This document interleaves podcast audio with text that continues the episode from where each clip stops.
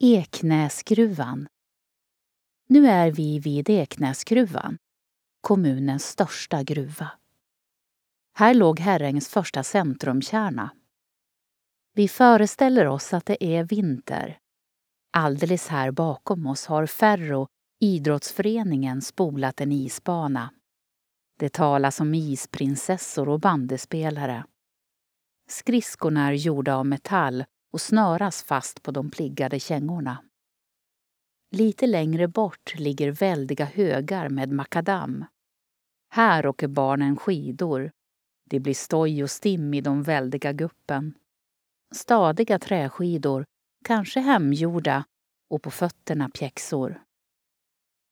Några barn har smugit fram till gruvkanten, vilket egentligen är absolut förbjudet. Men de ligger där och ser ner på arbetet i gruvan. Fasan för alla vuxna runt omkring. Lite hopkurade går mammorna till samhällets enda handelsbod för att göra dagens inköp till hushållet.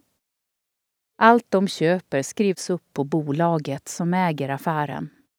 Utgifterna dras sedan på mannens lön. Linbaneburkarna åker upp och ner via laven, ett hisstorn och vidare till krossverket. Mer information om detta kan ni få vid Anrikningsverket. Runt Eknäsgruvan finns bostäder för alla samhällsgrupper i det patriarkala samhället. Disponentbostad, bostäder till ingenjörerna och arbetarbostäder. Alla byggs nära gruvkanten. Man hade svårt att projektera hur stor denna gruva skulle komma att bli.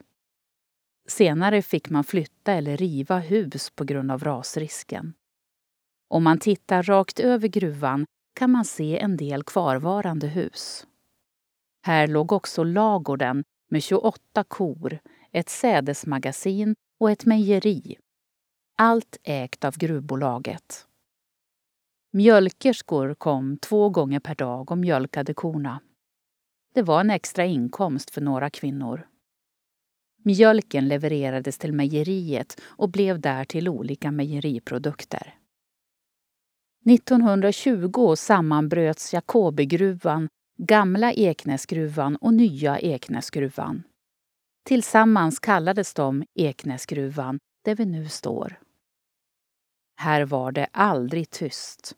Ständigt ljud från borrning och slammer från burkarna med malm och gråberg. Den uppmärksamme kan se stegen av trä där man tog sig upp och ner i gruvan innan laven fanns på plats.